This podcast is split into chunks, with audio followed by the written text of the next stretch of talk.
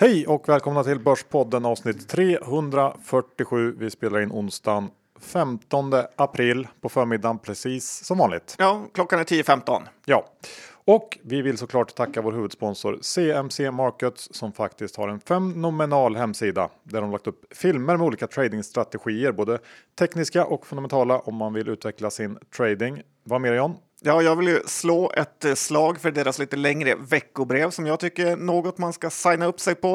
Eh, det är intressant att få en sammanfattning på veckan och inte fastna för mycket i sina egna tankar. Ja, och såklart har CMC även ett morgonbrev och en bra app om man vill kolla marknaden i mobilen. Ja, så gå in på cmcmarkets.se och signa upp dig som kund. Och kom ihåg, det finns alltid risker med CFD-handel. Yes. Ja, John, ehm, idag så kommer vi snacka lite om, jag tar upp några som har eh, vinstvarnat fast omvänt. Ja, det är imponerande i dessa tider. Det blir lite gym. Det blir också lite telekom i och med att man håller på att bränna ner 5G-master. Och lite spel. Ja, men kan det bli bättre än så här? Nej, nu kör vi.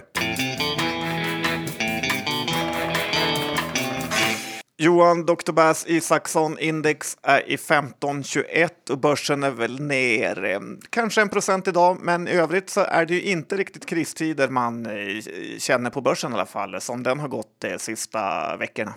Nej, eh, nu har det väl inte hänt så mycket sedan förra veckan. Vi var väl runt 1500 då också eh, och snart går vi in i rapportperioden. Det kommer vi ta upp lite mer senare här i avsnittet, men Eh, min känsla inför den, förutom att den blir väldigt intressant såklart, är att eh, jag tror ändå att många av de mer utbombade bolagen, bolagen kanske kan klara sig rätt bra på att bara få visa hur, hur dåligt det går. Eh, för osäkerhet är ju alltid det värsta på börsen. Men vi, vi tar mer om det sen. Det jag tänkte eh, prata lite om nu är det här med att i varje kris så brukar det alltid finnas några branscher som blir permanent påverkade som en konsekvens av att krisen leder till förändrade beteenden och nya regler eller något annat. Ehm, och då som, som en konsekvens av det aldrig når tillbaks till gamla fornstora dagar. Man vill ju absolut inte sitta med aktier i en sån bransch, men gärna i eh, de som tar över och växer fram på bekostnad av det gamla. Och för några veckor sedan så var vi inne på bolag som skulle kunna vara långsiktiga vinnare på den här krisen. Eh, vi pratar om företag med, med tjänster som underlättar distansarbete. Eh, det här med videomöten via Zoom har ju blivit något som de flesta håller på med. Eh, och den typen av verktyg kommer säkert bli en del av vardagen på ett annat sätt än, än tidigare. Och andra vinnare är ju nätdoktorer och automation kanske generellt. jag tänker också sådana här Beyond Meat-aktiga livsmedel. mat på nätet, spel på nätet och så vidare. Det finns säkert fler och i många fall handlar det ändå om trender som redan har funnits där men som ser ut att kunna accelerera som en konsekvens av det som, som vi går igenom nu. Och, och jag såg också att förra veckan så kom det fram att tusentals sådana här Zoom videosamtal legat helt öppna på nätet och extremt enkla att hitta för vem som helst. Eh, kanske inte helt oväntat eh, för ett bolag som Zoom som gått från 10 till 200 miljoner dagliga användare på, på kort tid att man stöter på problem. Men det får man också tänka på det här med datasäkerhet. Eh, för om man köper in på den här tesen att vi, vi mm, accelererar de här digitala trenderna så kommer säkerhet att vara prioriterat. Som privatperson så kanske man kan eh, liksom lite grann se mellan fingrarna när det gäller sånt här. Men för storföretag så, så är det en annan sak och då får det inte hända. Men jag tänkte komma tillbaka till det jag börjar med, det här med förlorarbranscher. Jag är lite besviken på att eh, förra veckan så sa du att mitt eh, Zoom-tänk var liksom mer level 1 eller kanske level 0 och nu är det det enda du pratar om. Nej, men, ja, det finns på olika sätt där, men ja. Men jag tänkte ändå det här med, med florabranscher. Vad har vi för någonting som skulle kunna bli mer permanenta förlorare på det här? Eh, det man tänker på först är ju det här med resor, flyg, fordon, fysisk retail. Och det är också så att det är undantagslöst branscher som redan innan det här gick kast med låg lönsamhet, dålig tillväxt och så vidare.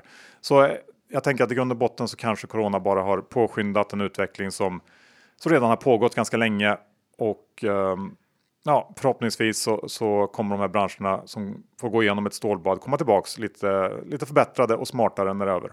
Ja, men det är så till exempel var det ju när häst och vagn fanns på gamla goda och bilen kom så raderades ut hela den industrin.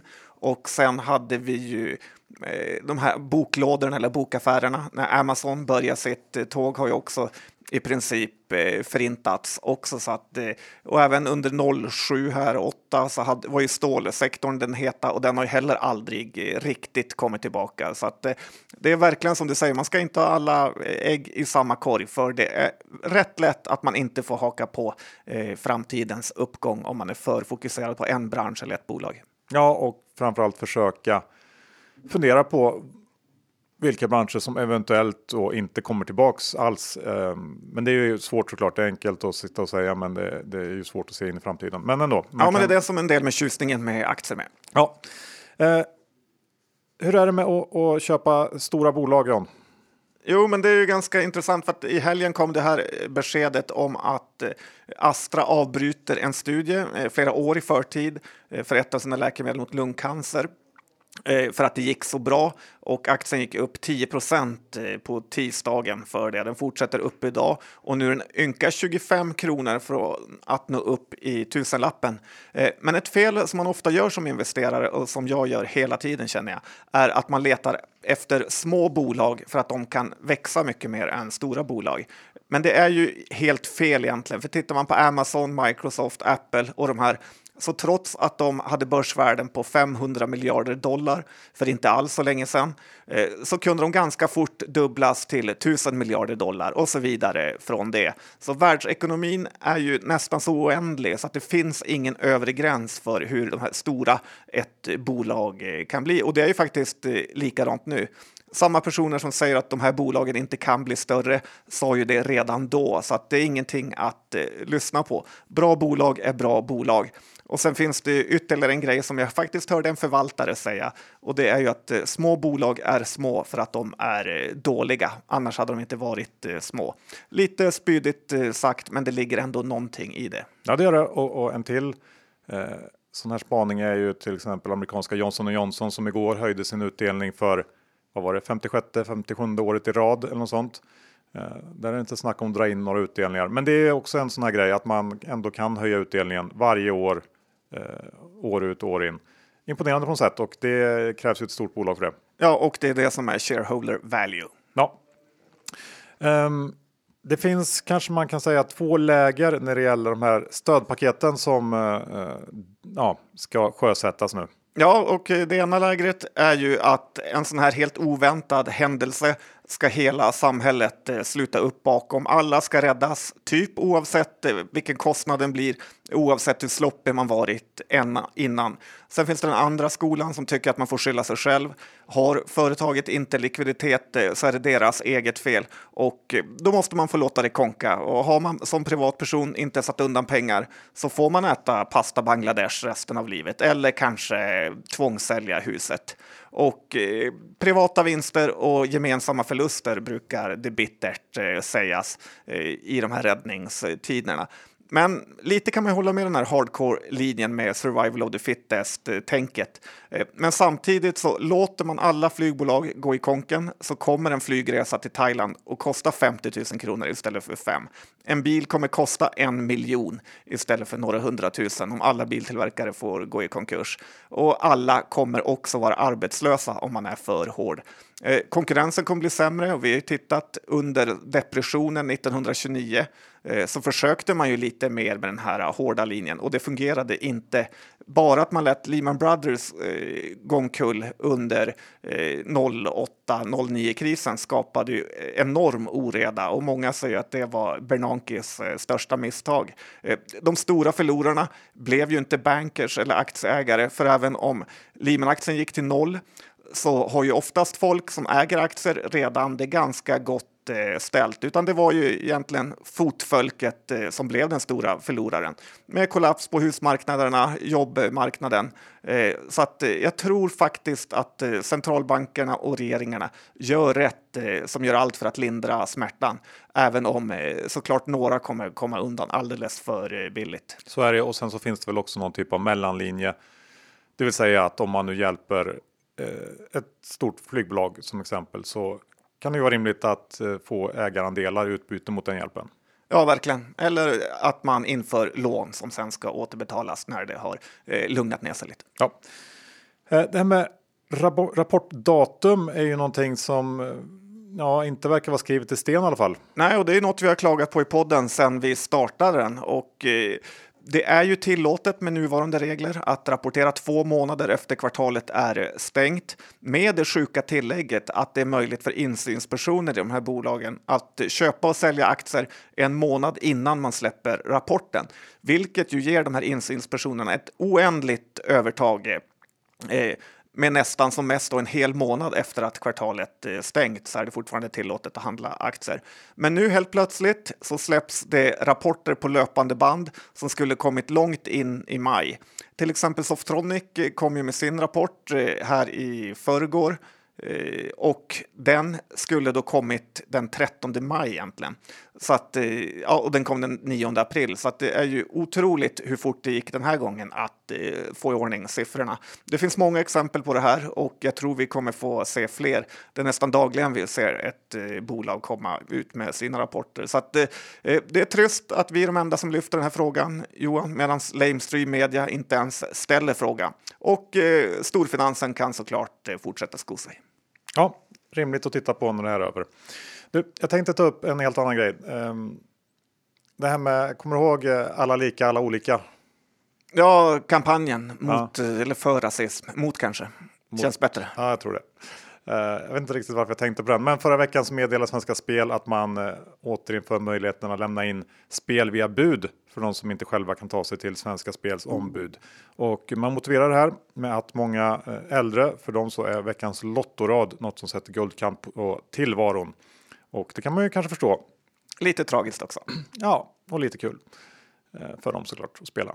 Eh, men samtidigt så är ju eh, Shakarabi ute och svingar igen mot de licensierade spelbolagen och hotar med nya åtgärder om man inte tar sitt ansvar här under krisen eh, och minskar på marknadsföring och annat för att helt enkelt skydda spelarna. Och jag undrar lite grann hur Shakarabi hade reagerat om det var Betsson eller Kindred som lanserade spel via bud. antagligen så hade ju tillstånden rykt på en vecka, men i det här fallet så hör man ingenting det är ju en brutal dubbelmoral och man fortsätter att skita i det här riktiga problemet när det gäller svenska spelmarknaden som är kanaliseringen. Eh, lite pinsamt kan jag tycka. Ja, och jag tycker också att det är otroligt konstigt fokus som alla har när coronaepidemin rasar. Att man bryr sig om någon spelar bort en 500 hit eller dit på nätkasinon. Det finns betydligt värre problem att ta tag i än eh, dem, så eh, sluta med det. Ja, avsluta med första delen med köpa dippen. Ja, men vi måste faktiskt eh, säga så här att personer som säger att andra som köpte dippen bara hade tur eh, med den här senaste uppgången för att de blev utbailade av eh, centralbankerna har inte förstått någonting alls av aktiemarknaden. Eh, om man är blankare eller står utanför marknaden helt eh, så måste man ju förstå att det är just det som är poängen, att man fightas mot alla Don't fight the Fed var ju ett sånt där klassiskt ordspråk eh, som kom typ just efter man startade Federal Reserve. Så att det finns ju förmodligen inget eh, bättre i världen, ska man ju säga då, att eh, förutspå ett sånt här aktieras som under it-bubblan 08 eller nu. Man själv blir rikare när alla andra blir fattigare. Ens egna pengar blir otroligt mycket mer värda. Men i stort sett så är det så att man har alla emot sig och det kommer inte vara lätt. Och framför allt så handlar det om korta perioder där timing är allt. Landningsbanan som jag brukar prata om. Precis. Den är kort. John, du har förberett någon slags telekom-snack som jag gärna vill höra. Ja, nästan som man skulle eh, ha en live-konferens på det här. Men vi kan väl börja med Sveriges eh, stolthet nu, som är faktiskt lite i ropet, och det är Ericsson. Eh, för att vissa har fått för sig att 5G är det som sprider eh, corona. Eh, det finns en massa Youtube-videos där på främst italienare som åker runt och bränner ner mobilmaster. Och jag tror inte ens de har 5G i Italien, så det känns inte som en jättevettig strategi. Anledningen till det här ryktet om att 5G är det som sprider corona är ju att de första 5G-masterna sattes upp i Wuhan då, där det här coronautbrottet startade. Och att sen har det väl blivit lite av så här råttan i pizzan Men det är någon slags teori om att det, det försvagar immunförsvar eller vad? vad ja, det, det är väldigt oklart. Ja. Eh, men eh, den som har sålt in den här historien har ju gjort det bra i alla fall. Eh, men Ericsson är ju med andra storbolag, till exempel Saab, inte så jättekortsiktigt drabbade av det här viruset då affärerna är väldigt, väldigt långsiktiga. Och det visade ju Ericsson också här när man var ett av få bolag som eh, behöll sin utdelning. Men vad jag förstår så finns det en stor möjlighet att det här 5G faktiskt eh, kan bli något väldigt eh, stort då det kommer tillåta maskiner att eh, prata med varandra genom molnet i typ ljusets hastigheter. Och det är ju liksom grunden för att eh, till exempel självkörande bilar i städer eh, som då kan prata med varandra och eh, att vi kan få en helt ny värld egentligen där vi har väldigt stor nytta av alla robotar. Och här kan ju Ericsson vara ett eh, spännande case. Dessutom har ju de 35 miljarder i nettokassa så att eh, ja, jag tycker det luktar lite köpläge Ericsson faktiskt. Ja, man kan väl egentligen säga att, att eh, Ericsson lägger liksom på något sätt infrastrukturen för alla de trender jag gick igenom här i, i början. Eh, allt bygger ju på något sätt på ett snabbare och bättre nät, så att, eh, visst. Mm, tack Johan att du håller med mig en gång. Sen har vi Telia här, köpt rättigheterna för Champions League, vilket var både lite förvånande och också lite oförvånande får man säga. Eh, för att eh, de förlorade Premier League-rättigheterna så att det här lite pa luktar panikköp köp, som sagt, eh, eh, för annars hade de inte haft någon sport alls. Och eh, Viasat sa ju också att det här var det sjukaste priset eh, någonsin. Vi har ju sett att British Telecom har ju vunnit liknande budgivningar eh, i England då tidigare så att eh, ja, de här operatörerna ger sig in i den här marknaden. Mm, de betalar väl 3 miljarder för tre säsonger va? Ja, men det är bra pris. Jag tror, jag har för mig att jag läste att det var ungefär dubbelt så mycket som det kostade förra gången man auktionerade ut Champions League-rättigheterna. Men de har ju inte, de har inte bara, de har ju även La Liga och Serie A faktiskt, Simor. Ja. Mm. Eh, Telia vinstvarnade också här, eller semi-vinstvarnade får man ju säga, och sa att reklammarknaden gått ned ordentligt. Men nu tycker jag faktiskt man ser hur reklamen är mer anpassad för de här coronatiderna.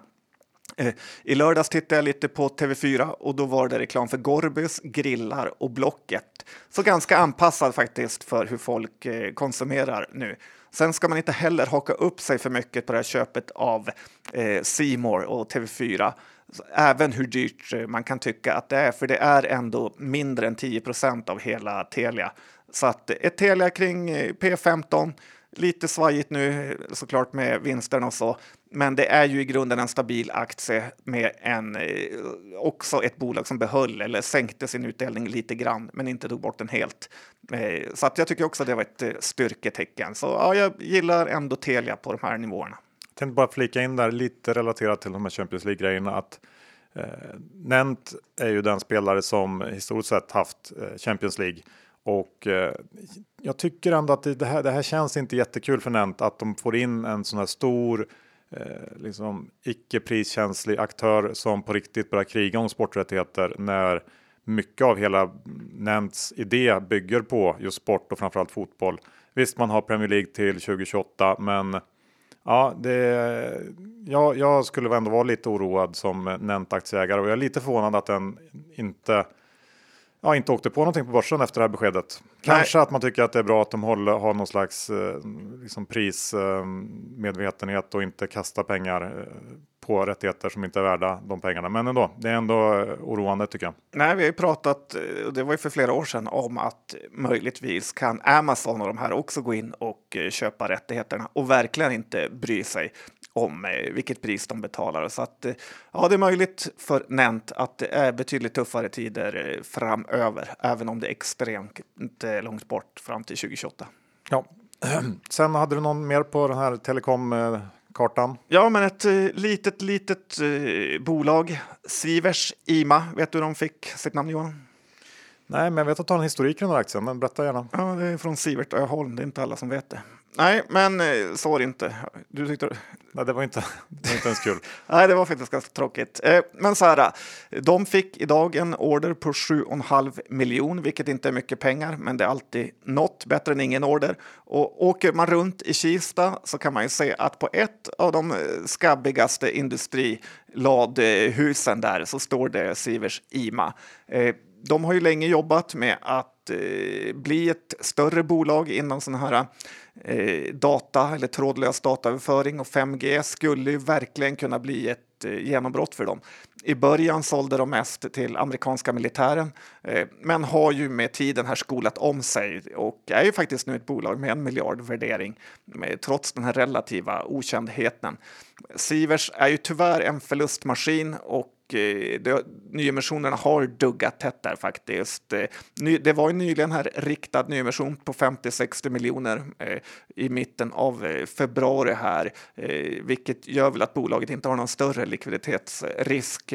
Den nyemissionen gjordes på 9.30 och nu står aktien en liten bit över 8 här så man kan komma in billigare. Jag har inte vågat köpa själv, men jag har hört många på stan snacka om det här bolaget så att eh, ja, det kan vara värt att ha på aktieradarn.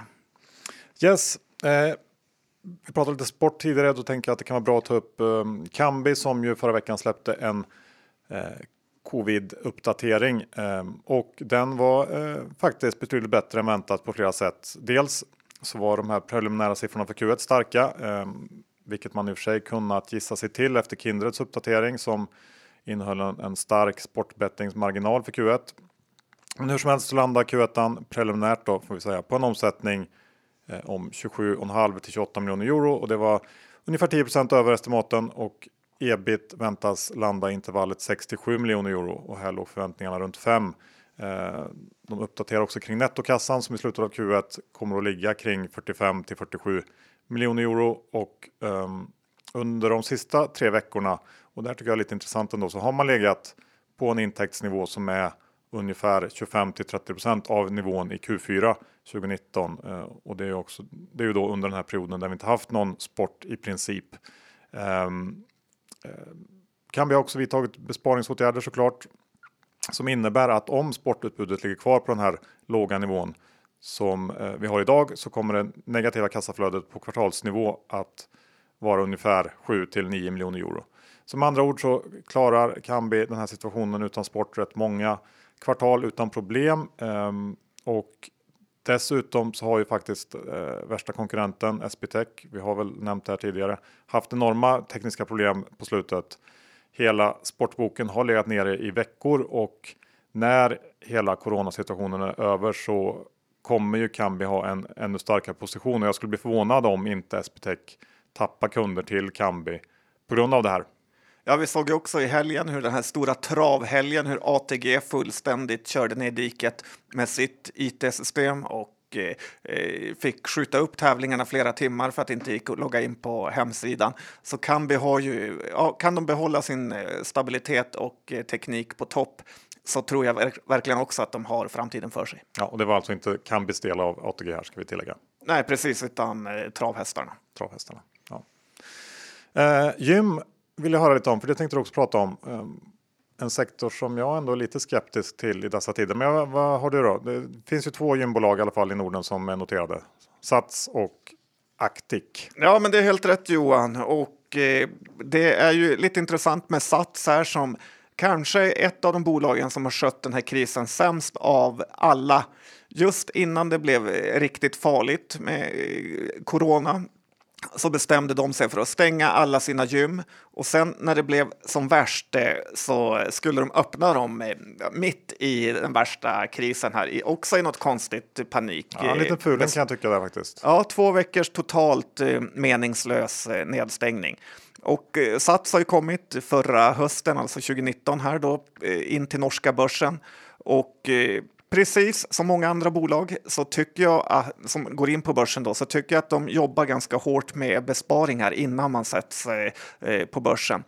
Sats Odenplan har faktiskt varit eh, rätt skabbigt får jag säga, tycker jag. Det är många duschar som är trasiga, det är lite så här plankor som hänger i bastun, toaletter kan vara avstängda i veckor får lite den här Scandic-varningen eh, när de, eh, i alla fall jag hade känslan att de sänkte värmen på alla sina hotell för att kunna spara pengar. Och eh, jag tror Sats har gjort lite liknande med underhållet här för att trimma siffrorna. Sats har en miljard i nettoskuld, börsvärde på tre.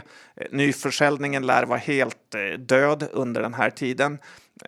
Vi har ju också sett en hel del uppsägningar med alltså vanligt, vanliga personer då och med högre arbetslöshet så blir det mindre såna här friskvårdskort och liknande. Så att jag tror ändå att vi har en tuff period för satsar som jag skulle inte våga köpa den aktien. Och vi kommer ihåg, också ihåg norska XXL-debaclet när det kom till börsen. De första kvartalen var ju riktigt bra för att sen eh, blev det en total katastrof. Eh, 2020 är ju i princip redan förstört. Så att, ja, jag håller mig borta från den här aktien kan jag säga. Ja, och jag kan också så här, tycka att det känns lite, känns lite småäckligt ändå att gå och rycka grejer på gym som massa andra har varit och ryckt i. Nu när man börjar tänka de här banorna med virus och, och corona. Jag vet inte hur länge det hänger kvar. Det kanske bara är en temporär grej, men eh, ja, det är möjligt att det kan komma ett uppsving när det gäller mer liksom hemmagym. Man köper lite små grejer som man kan liksom göra det mesta med. Eh, jag vet inte. Ja, framförallt utegym skulle ju kommuner och liknande kunna börja satsa i som då skulle vara gratis. Så det kan ju vara en liten så oväntad eh, konkurrent. Eh, ska vi titta på Actic också? Ja. Det är ju ett mycket sämre bolag än Sats får man då säga. Aktien gick in på 55 kronor, står nu i 15 och eh, då har det ändå varit bra tider innan det här. Eh, Actic kan faktiskt mycket väl tvingas till nyemission. De har ett börsvärde på 220 miljoner och en nettoskuld på 1,3 miljarder. Lite riggat av det IFRS, så att egentligen kan man säga att de har 500 miljoner. Men jag skulle ändå säga att hög, eh, nyemissionsrisken är väldigt hög här och inget bolag jag skulle vilja ens röra i med tång. Nej, jag håller med helt. Vi går över till lite mer positiva tongångar. Jag har två bolag här som kommit med omvända vinstvarningar tack vare corona får man säga. Eh, vi kan börja med Essity. Eh, presenterade då igår sin omvända vinstvarning. Eh, inte oväntat att det har gått bra, men resultatet, var upp 67 i Q1. Ändå ganska imponerande för ett bolag av Essity storlek och under hela Q1 så uppgick den organiska tillväxten till 7,8% men under mars så var den faktiskt nästan 20 Eh, vi pratade lite om Duni förra veckan eh, som produktmässigt eh, inte ligger riktigt lika rätt till som, som Essity. Essity känns för lite som motsatsen nästan och ehm, med toapapper och, och ja, mycket hygienartiklar generellt. Inom området professional hygiene har man i och för sig lite försäljning till restauranger och liknande, men där finns också kunder inom vårdsektorn Eh, och annat. Så att det, det mm, verkar ändå väga upp och det var faktiskt det område som visade starkast tillväxt av alla eh, under det här kvartalet eh, samt i mars. Men frågan är vad man ska tro om Essity framöver här. Essity skriver själva att under kommande kvartal så kan försäljningen påverkas negativt av den här hamstringen under mars och också då att försäljningen inom den här delen som heter Professional Hygiene kan påverkas negativt av minskat resande och färre restaurangbesök och ökat hemarbete. Eh, men de lägger också till att på längre sikt så kan den här covid-19 pandemin leda till ökad efterfrågan på hygien och hälsoprodukter allt kan hända helt ja, enkelt. Till följd av ökat fokus på handhygien. Ja, eh, även om det här kan hålla i sig ett tag så har jag personligen svårt att se att det här är något annat än främst en hamstringseffekt. Jag tror inte att man kommer att tvätta händerna så nitiskt som man kanske gör de här veckorna. Ehm, och i så fall så kan det faktiskt vara läge att släppa den här aktien nu. Den är upp lite grann i år. Eh, det är ju bra jämfört med mycket annat. Ehm, men om det i stor utsträckning handlar om hamstring så kommer det att slå tillbaks om några kvartal. Eh, då kommer den här aktien vara mindre rolig att äga och samtidigt kanske andra bolag som haft det betydligt tyngre just nu se ett uppsving då. Så jag, jag tror att um, jag är inne på att den här, det kanske kan vara läge att växla över till någonting lite mer uh, spekulativt känner jag. Ja, jag tror att du har rätt. De skulle kunna gynnas av att deras olika delar får växeldra lite. Att om det kommer igång i restaurangen så måste de börja fylla upp eh, lagren med, med och bensinmackar och allt vad de säljer till. Men visst, det finns ju mycket som har gått ner så att här är det nog läge att låta dem flyga. Ja, men det är väl lite mer så är det här en efterfrågan som kommer att liksom finnas kvar på en högre nivå när det är över? Jag tror inte det. Jag tror att det är tillfälliga grejer och då är det kanske inte rimligt att värdera upp det här bolaget på grund av det. Nej, Magnus Groth kör bort sig igen. har, han, har han kört bort sig? Han har väl inte gjort det? Nej, han har tyvärr inte gjort det. Nej. Sen har vi eh, Getinge då, som är den, den andra stora coronavinnaren på sina ventilatorer. Eh, de kom med en omvänd vinstvarning i slutet av förra veckan. Orderingången under kvartalet var upp med 47 procent, ebita upp 79 procent och det är inom det här området eh, acute care therapies som ventilatorerna finns och det är också eh, största delen av, av Getinge. De är väl lite drygt hälften av bolaget. Um, orderingången här fördubblades uh, nästan ska vi säga, men de andra två affärsområdena går mindre bra och det kan man väl notera att alla som säljer något till sjukhus som inte har med corona att göra har det tufft. Uh, en del heter Surgical Workflows. Det är väl en dryg tredjedel av Getinge. Eh, där minskar orderingången med 14 procent och inom Life Science som är det minsta affärsområdet. Eh, där föll orderingången med 13 Och det är väl lite samma sak här, någon typ av hamstring av ventilatorer eh, istället för toapapper. Och eh, det känns ju också garanterat att efterfrågan här kommer sjunka rejält när alla sjukhus har fyllt sina ventilatorlager till bredden och eh, dessutom så tycker jag man läser om fler bolag som tidigare inte tillverkat ventilatorer som nu börjat göra det. Så det har ju också poppat upp någon slags ny konkurrens från ingenstans. Eh, ah, Getinge upp 10% i år. Eh, marknaden verkar uppenbarligen tro att det här kommer vara eh, jag vet inte vad man ska säga, nettopositivt på lite längre sikt för Getinge. Men jag, jag har lite samma funderingar när det gäller Getinge som Essity. Eh, den har varit perfekt att äga genom den här fasen av krisen. Eh, kan säkert vara okej ett tag till. Det lär väl kanske synas framförallt i Q2 effekterna av den här alla ventilatorer som ska ut och bli försäljning. Men jag tror att, att det inom några kvartal ändå börjar kanske kan komma någon slags oro för hur det ser ut när det här är över och då eh, finns ju en risk att det blir helt tomt i orderböckerna ett tag på ventilatorsidan. Så att eh, skulle hellre växla över här också till någonting som eh, har mer, mer framtiden för sig om man säger så. Ja, det finns ju inget bolag som har lurat landstingen på så mycket pengar som Getinge med alla deras bruna maskiner som står och eh, samlar damm.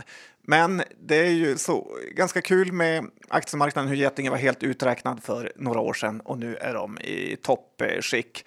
Har man haft en portfölj som har bestått av Essity, Ica och Getinge så ska man ju skratta hela vägen till banken. Ja, det får väl ändå det här med lite det utskällda eh, begreppet defensiva aktier ändå.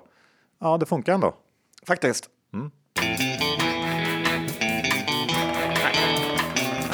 Slut på avsnitt 347. Eh, vi tackar såklart vår huvudsponsor CMC Markets. Jajamän, gå in på deras hemsida, signa upp det som kund eller ladda bara ner appen. Den är eh, väldigt bra och det finns många intressanta funktioner där. Ja, och man kan ju börja med ett sånt här demokonto och testa lite grann eh, för att se hur det funkar innan man öppnar ett vanligt. Ja, det är en kul funktion. Ja. John, hur är det med eh, innehav idag? Jag, eh, Kambi är lång såklart. I övrigt, eh, ja, du nämnde Saab lite kort i en mening bara. Det är lång. I övrigt, jag vet inte.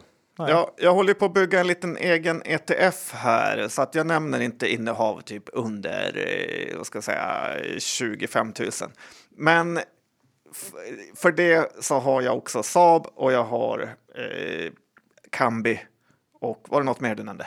Nej. Nej, det var de två. Ha, kul, kul. Bra. Tack för att ni lyssnade. Vi hörs om en vecka igen. Det gör vi. Hej då!